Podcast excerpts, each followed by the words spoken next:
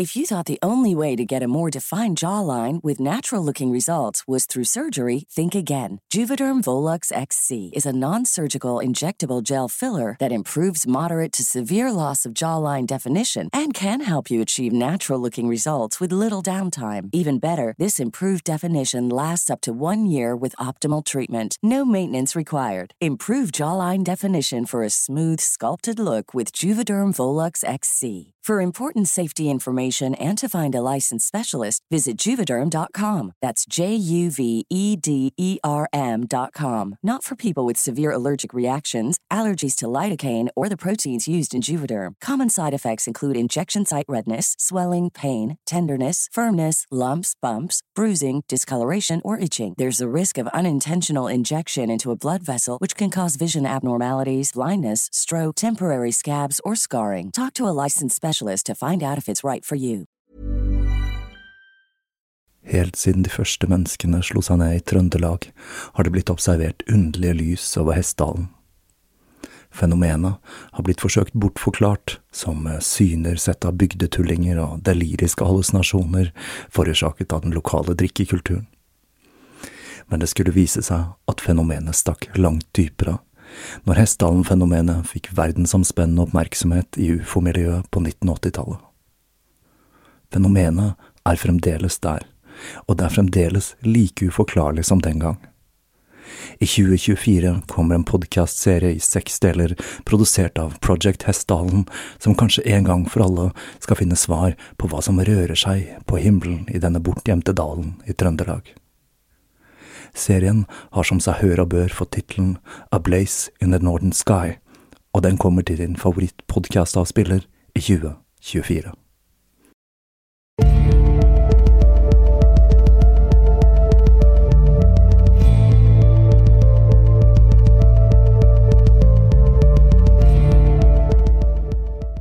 Hei og velkommen til Tåkeprat. I den første episoden i år snakket jeg litt om hvordan jeg tror AI, eller kunstig intelligens, er noe som kommer til å prege året som kommer, og det sendte meg av gårde på et lite dypdykk i temaet. Som jeg sa i denne episoden, så er ikke jeg en av de som kjøper ideen om at en serie med av og på-kommandoer, dvs. Si en binær tallkode, kan oppnå bevissthet. Men det er andre ting ved AI-teknologi jeg føler meg ganske sikker på vil kunne endre hvordan vi samhandler med verden rundt oss. Jeg har lekt meg en del med den mye omtalte chatboten ChatGPT, som er en chatbot som kan føre ganske så realistiske samtaler og skrive tekster som nesten ser menneskeskapte ut. Tjenesten har jo fått spesielt mye oppmerksomhet fordi den har blitt brukt av elever som bruker den til å jukse på eksamen. Her til lands fikk den jo nylig en del oppmerksomhet fordi den listet opp Anders Behring Breivik som et eksempel da den ble spurt om å lage en liste over norske helter. ChatGPT hadde nok fått med seg at dette var en mye omtalt nordmann internasjonalt, og at han var involvert i en helt unik hendelse, og at navnet hans dukket opp i forbindelse med ordet helt en rekke steder, sikkert ikke minst når han snakket om seg selv. At det var noe moralsk problematisk med dette her, hadde jo selvfølgelig ikke ChatGPT noe utgangspunkt for å mene noe om. Men så er det jo sånn at uh, ChatGPT beklaget seg og rettet opp feilen, og nå har den lært, for det er jo litt av greia med AI, den lærer. Men så er spørsmålet, er dette mer enn et artig leketøy for late elever? ChatGPT har jo et enormt potensial når det gjelder å skrive enkle tekster til for eksempel reklame, eller om du trenger å skrive en rask, formell e-mail. Som jeg sa, så er den ikke helt der enda, det er liksom noe som er litt off. Men en ny versjon er på vei, og det er nok ikke så lenge før vi har en chatbot som kan passere Turing-testen. Det vil si at det er umulig å si om du snakker med et menneske eller en kunstig intelligens. Umiddelbart så ser jeg for meg at denne teknologien kan gjøre et innhugg i arbeidsmarkedet, spesielt på tekstforfattersiden. Også når det gjelder programmering, så åpner dette muligheten for å programmere med enklere tekstkommandoer, for så å få ChatGPT til å skrive kildekoden i det språket du ønsker her er det også et stort potensial for å endre internett slik vi kjenner i dag. I dag så er jo nettet preget av store aktører som Google og Meta. Om du kjører et Google-søk, så er det forholdsvis enkelt å gjette hva som dukker opp. Først får du et par betalte plasseringer fra Google, fulgt av Wikipedia, og lenger ned i søket har jeg lagt merke til at det oftere og oftere dukker opp søppelsider. Vil si sider som er maskinelt laget for å selge reklameplass. Internett fylles med andre ord opp av søppel. Google er jo klar over dette, og de er nok litt redde for å miste sitt søkemotorhegemoni.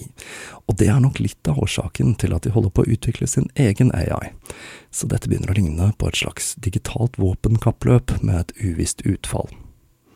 Men vi begynner nok å nærme oss tiden der det å google noe er avleggs.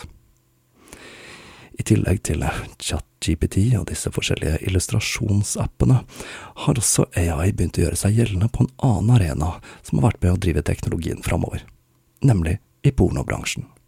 Det dukker til stadig opp nye AI-bildegeneratorer, og de er ikke så veldig langt unna å kunne skape et paradigmeskift i pornoens verden, spesielt når det blir kraftig nok til å kunne generere levende bilder som er fotorealistiske.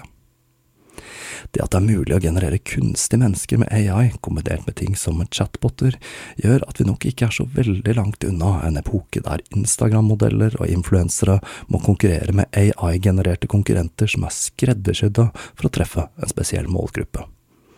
Og hiver vi sosiale medier inn i alt dette, så vil jeg bare si velkommen til 2023. Da vil jeg avslutte denne lille tiraden og åpne den tredje og siste delen i serien om Franklin-ekspedisjonen med et dikt skrevet nettopp av ChatGPT. Jeg spurte om de kunne skrive et dikt om arktiske ekspedisjoner på 1800-tallet, slik HB Lovecraft ville gjort det, og da fikk jeg dette resultatet. Amidst the endless ice and snow, the brave and curious did go, to realms where few had dared to tread, where the cold winds of north are fed the unknown dangers they embraced, with each step their fears erased. In search of knowledge and renown, to the ends of earth they did bound. But what they found in those dark lands, no words can capture with mortal hands. Eldritch secrets beyond all thought, that should have remained forever sought. And in that land of ice and night lurks madness and unnameable fright, and those who'd seen it will attest that some things are best left unexpressed.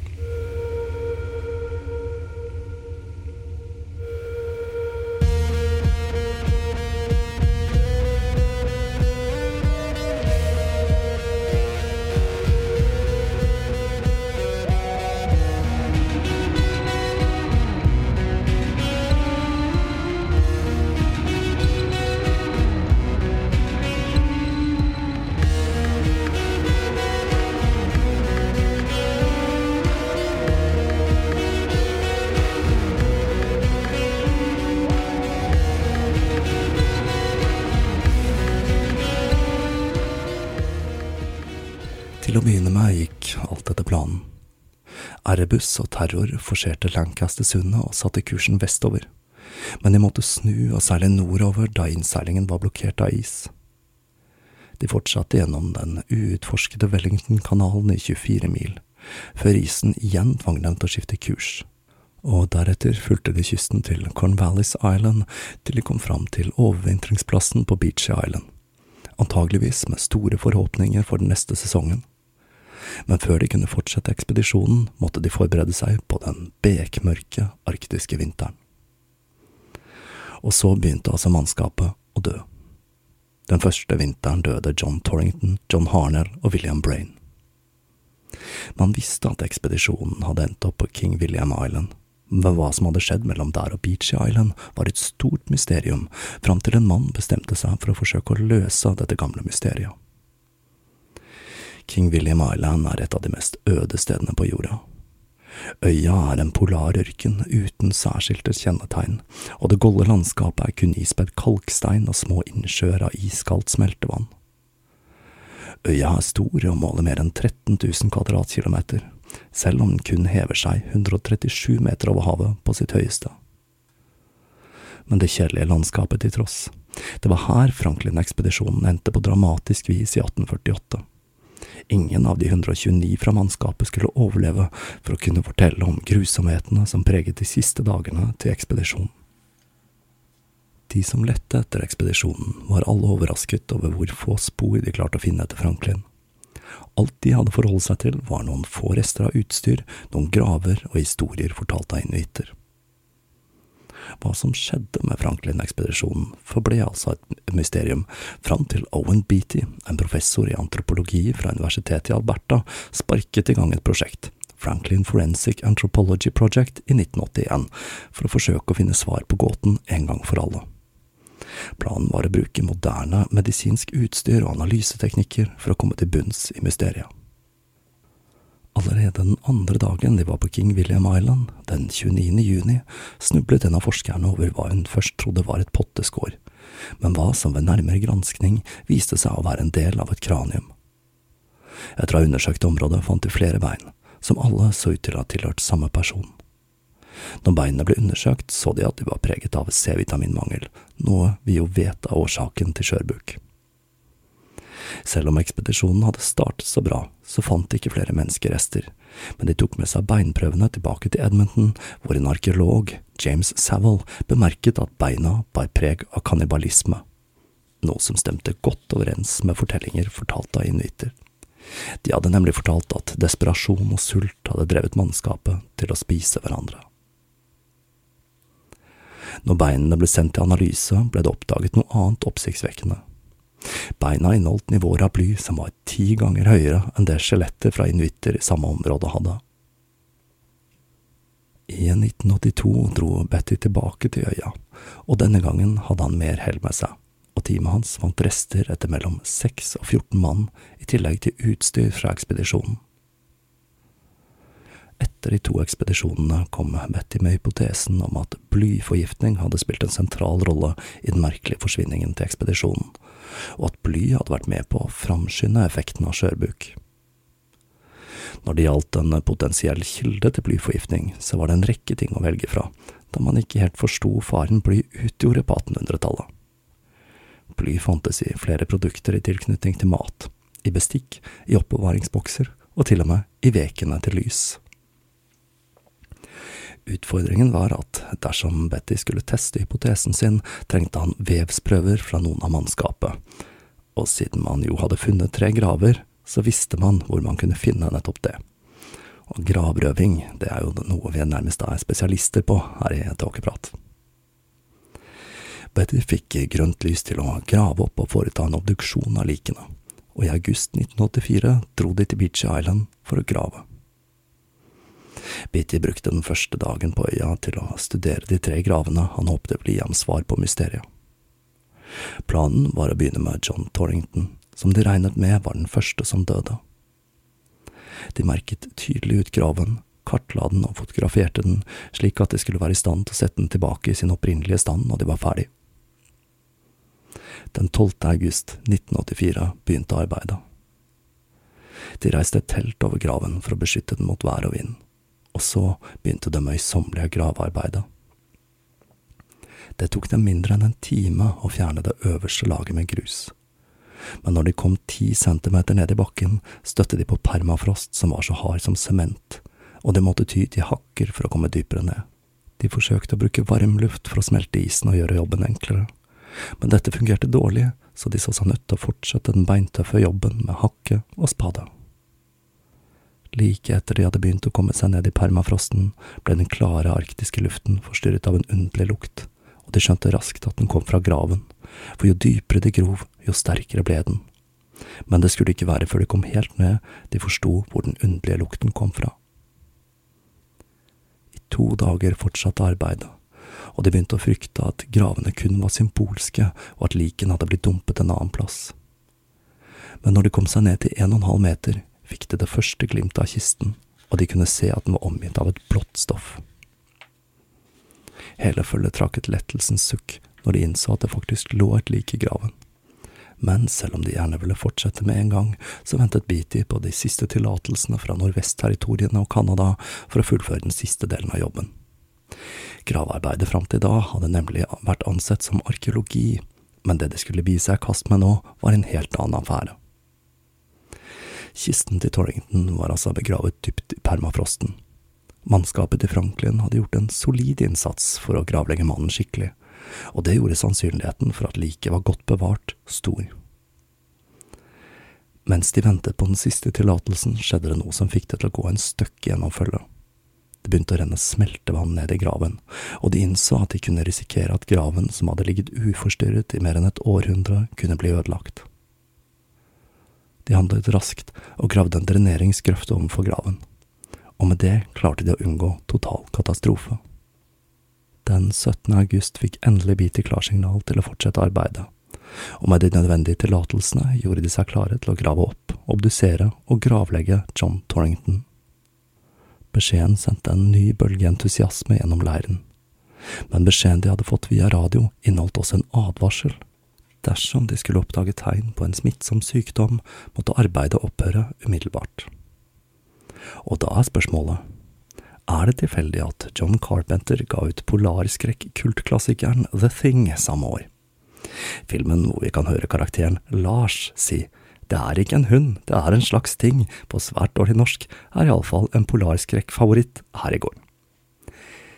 Når gravearbeidet fortsatte, skjønte de hvor den underlige lukten kom fra.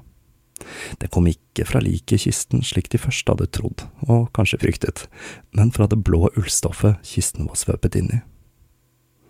Når det kom ned til kistelokket, begynte det å blåse kraftig, og mørke tordenskyer la seg over det øde arktiske landskapet.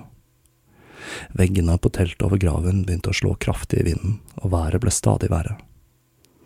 De så på hverandre og bemerket at dette var som tatt rett ut av en skrekkfilm. Og med den kommentaren bestemte de seg for å gi seg for dagen, men det ble lite søvn den natten.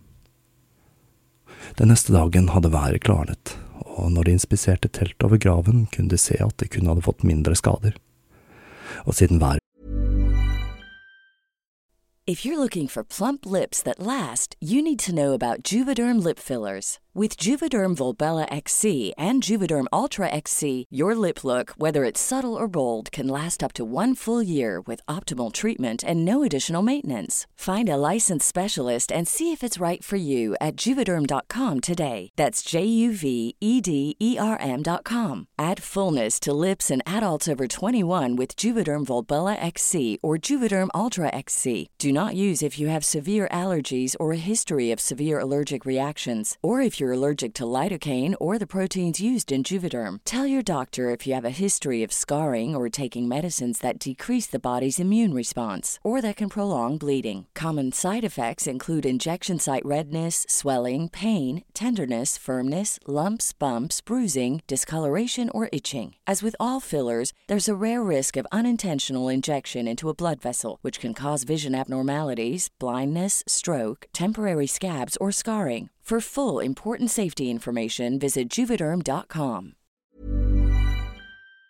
Det var fint, bestemte de seg for å ta bort teltet og jobbe under åpen himmel. Det var tross alt midnattssol, så natt og dag spilte liten rolle. Ekspedisjonen fant sin egen arbeidsrytme, der natt og dag skulle sammen til ett. De spiste når de var sultne og sov når de var trøtte, og med denne nye døgnrytmen kunne en arbeidsdag strekke seg opp i 28 timer. Når de eksponerte kistelokket, kunne de se at det var dekorert med et håndmalt skilt som var spikret til lokket. På skiltet kunne de lese John Torrington døde 1. januar 1846, 20 år gammel. Det var en rørende siste hilsen fra mannskapet til John Franklin. Kisten var også imponerende. Den var nøyaktig utført med et mahognilokk og messinghåndtak på siden, men det slo dem at den så uvanlig liten ut der den lå, nesten som en barnekiste. Når de banket på kisten, hørtes det ut som om de slo på en stein, og de innså at det som var inni, måtte være en solid, dypfryst masse. Det å fjerne lokket skulle vise seg å være en utfordring, det var nemlig spikret fast, og siden de ville ødelegge minst mulig, fant de ut at det mest skånsomme ville være å slå av hodene på spikerne med hammer og meisel. Etter den møysommelige jobben, og når isen som holdt fast lokket hadde tint litt, fikk de løftet det til side, og de kunne stirre ned i den semitransparente isblokken inne i kisten. Der kunne de skimte en uklar skygge, og de innså at det å fjerne den siste isen kom til å bli den største utfordringen fram til da. Til slutt kom de fram til at de skulle forsøke å tine isen med vann. Det fungerte svært bra, og mens isen tinte, kom de nærmere og nærmere mannen fra fortiden. Det var skjorta til Torrington som ble synlig først, og så tærne som begynte å stikke ut av isen. Ansiktet derimot var skjult av den samme typen blått stoff som kisten hadde vært drapert i.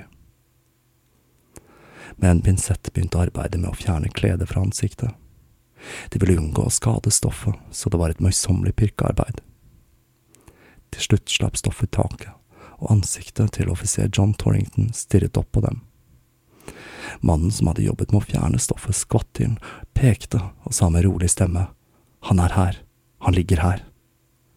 Alle sto lamslåtte i stillheten og stirret ned på ansiktet til John Torrington, der han stirret tilbake på dem fra den iskalde graven.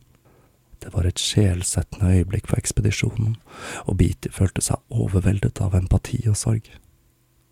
De stirret på en mann som døde for mer enn hundre år siden, men det så ut som han akkurat hadde gått bort. Det overskyggede været stirret de ned på liket til John Torrington.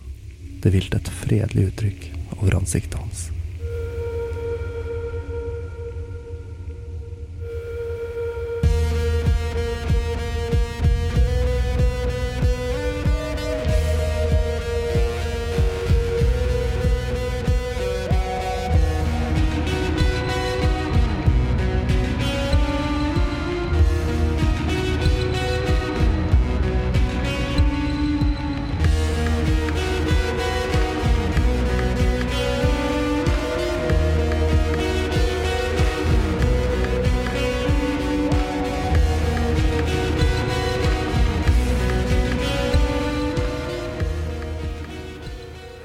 Når man senere analyserte vev- og hårprøver fra Torrington, ble det konkludert med at han hadde en alvorlig blyforgiftning som ville ha gitt alvorlige mentale og fysiske symptomer, selv om den endelige dødsårsaken var lungebetennelse. På ekspedisjonen hadde de også undersøkt de tomme hermetikkboksene mannskapet hadde brukt til å lage en varde. Som jeg nevnte i forrige episode, brukte man gjerne varder til å legge igjen beskjeder til andre polfarere og skuffelsen var stor når vardene til Franklin-ekspedisjonen ikke inneholdt noen. Men for ekspedisjonen til Beatty inneholdt varden med tomme hermetikkbokser verdifull informasjon, selv om det ikke lå noen beskjed i den. De så nemlig, som de hadde mistenkt, at boksene var loddet med bly på en slik måte at blyet hadde kommet i kontakt med maten og med stor sannsynlighet hadde forgiftet den. Med de nye funnene, og ikke minst bildet ekspedisjonen hadde tatt av det godt bevarte liket, blusset interessen for Franklin-ekspedisjonen opp på ny. Beatys hypotese virket mer og mer sannsynlig. Den ville jo forklare hvorfor flere arktiske ekspedisjoner hadde blitt rammet av denne underlige sykdommen, hvor mannskapet fikk denne svakheten som enkelte ganger gikk over i direkte galskap. Senere har det også blitt foreslått at mannskapet kunne ha blitt blyforgiftet av vannet om bord. Som vi husker fra forrige episode, var hver av båtene utstyrt med hvert sitt lokomotiv, og de trengte forholdsvis røslige mengder med ferskvann for å drives. Og avsaltningssystemer av den typen som ble brukt i 1849, tilførte vannet en stor mengde bly.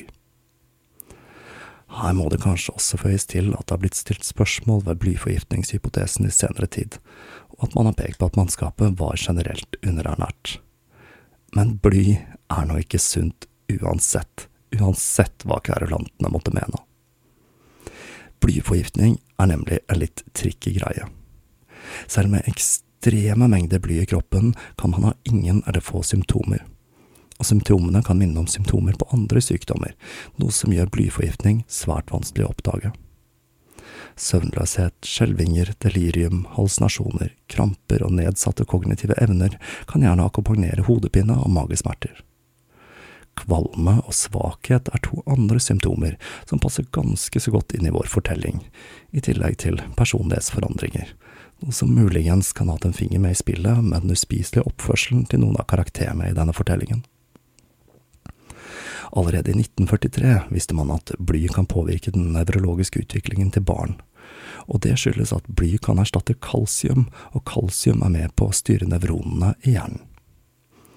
En sak sikkert mange av dere kjenner til, er blybensin.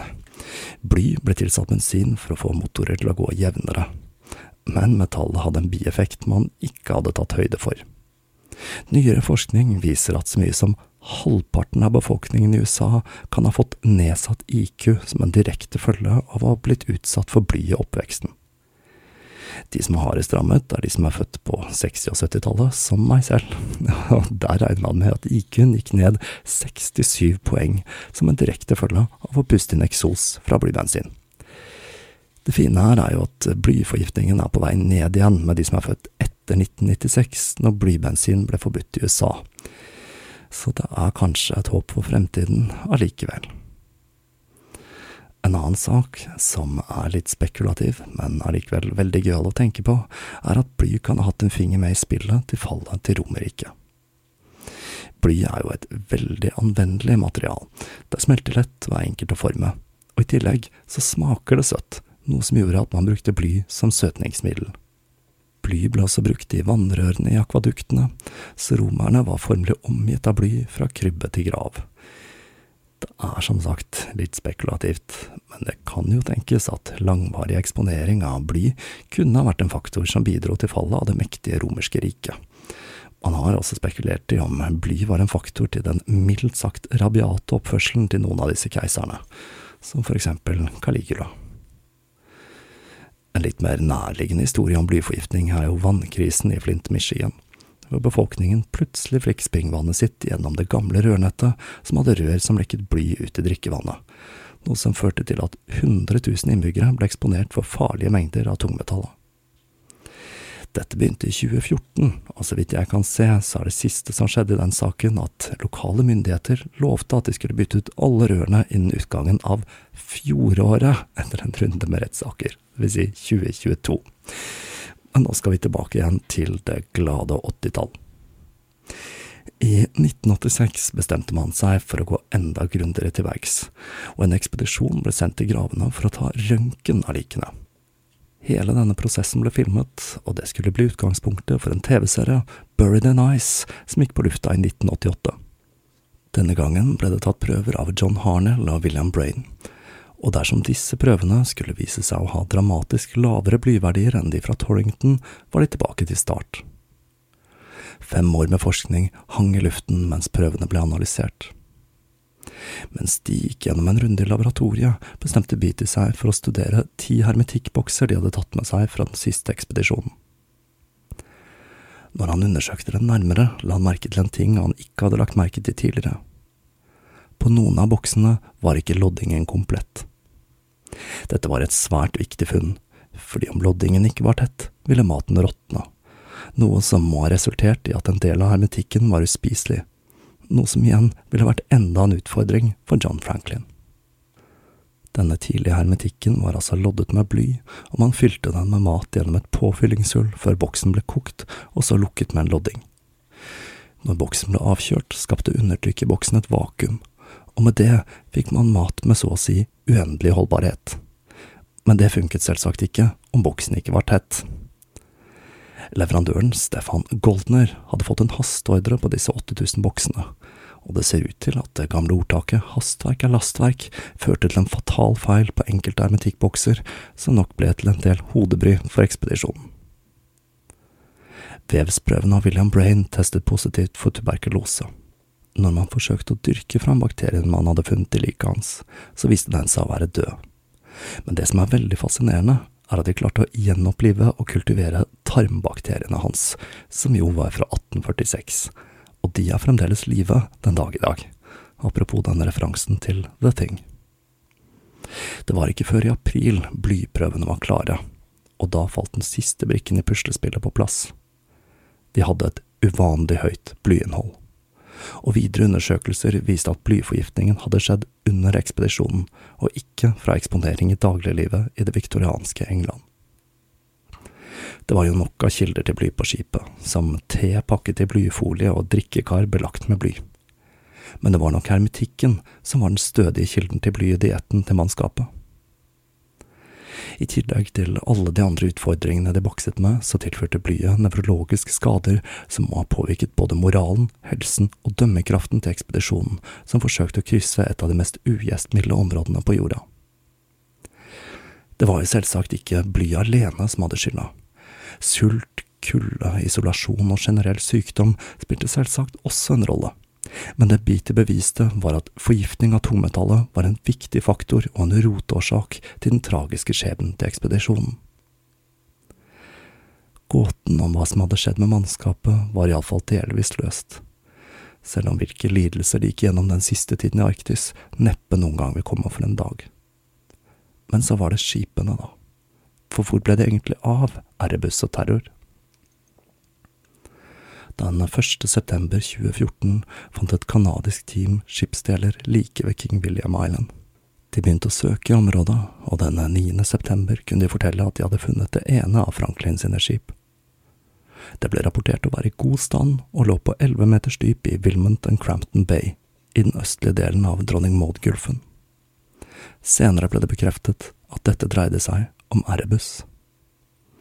Terror skulle også dukke opp den 12. september 2016 sør for King William Island, i bukta med samme navn. Det var altså Terrorbukta, hvor skipet ble funnet på 24 meters dyp. Bukta ble for øvrig døpt Terror i 1910, mer enn 100 år før skipet ble funnet der, til minne om ekspedisjonen. Skuta ble undersøkt med fjernstyrt ubåt og ble funnet å være i god stand. Og med det var den siste brikken i puslespillet som var Franklin-ekspedisjonen funnet. Enn så lenge.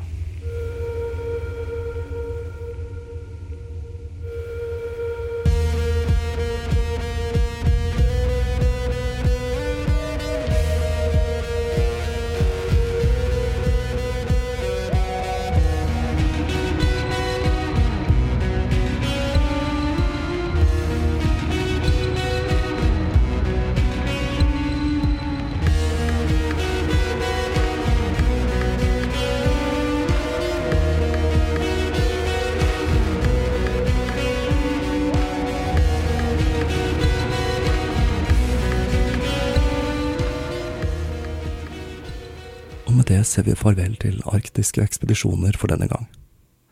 Et detaljert hendelsesforløp av hva som skjedde med Franklin-ekspedisjonen vil vi neppe få noen gang. Men det er ikke så vanskelig å forestille seg at det gikk ganske hardt for seg med blyforgiftning og råtten mat, og det ser jo ut til at det endte opp med å ty til kannibalisme for å få næring på slutten. Jeg har jo hatt flere episoder der jeg har vært innom kannibalisme tidligere her i Tåkeprat, for de som er interessert i å fordype seg i den tematikken. Jeg er blant annet innom temaet i serien om donnerfølge. Jeg er ganske sikker på at jeg snakker om det i forbindelse med sommerspesialen om menneskeofring også. Nå skal jeg kaste meg rundt her og gyve løs på det neste temaet her i Tåkeprat. Enn så lenge registrerer jeg at man nå har observert to såkalte kinesiske spionballonger over amerikansk territorium. Det virker jo helt absurd at denne nasjonen som har en så sterk tilstedeværelse på satellittfronten som Kina, skal måtte ty til femtitalls spionteknologi. Jeg har mer tro på at dette må være enda et svensk forsøk på å nå Nordpolen, på samme vis som Salomon August André. Fram til neste episode vil jeg som vanlig takke alle patrions, alle som har donert enten via VIPS eller nettsiden, og alle dere som hører på. Linker og slikt finner dere på togeprat.com på gjenhør.